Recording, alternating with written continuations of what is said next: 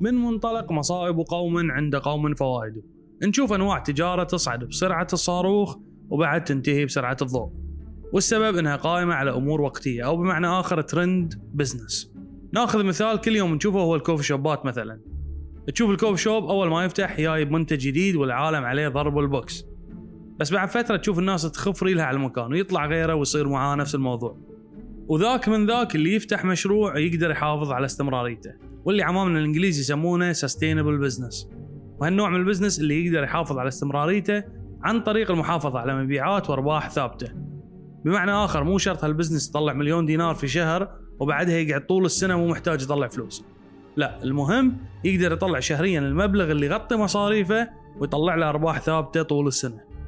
نرجع لربعنا مال ال trend business واللي هم نفسهم اللي ممكن يطلعون مليون دينار في السنة بس لمرة واحدة، المشكلة مو في نوع ال business ولا إنه ممكن يطلعون أرباح لفترة وبعدين يوقفون طول السنة، المشكلة إنهم يستمرون في نفس ال business متوقعين إن الناس ما راح تمل من نفس المنتج، والحقيقة إن هالشيء مو مع كل المنتجات ولا مع كل الخدمات.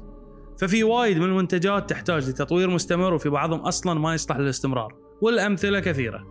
بس هني ارد أسترجع مقولة مصائب وقوم. لأن أغلب هال business يعتمد على منتجات في الغالب ناس وايد ينتقدونها. مثل ملابس مشاهير قصات شعر شنط ساعات وغيرها وغيرها. لها معارضة من البعض إن ما لها داعي أساسا.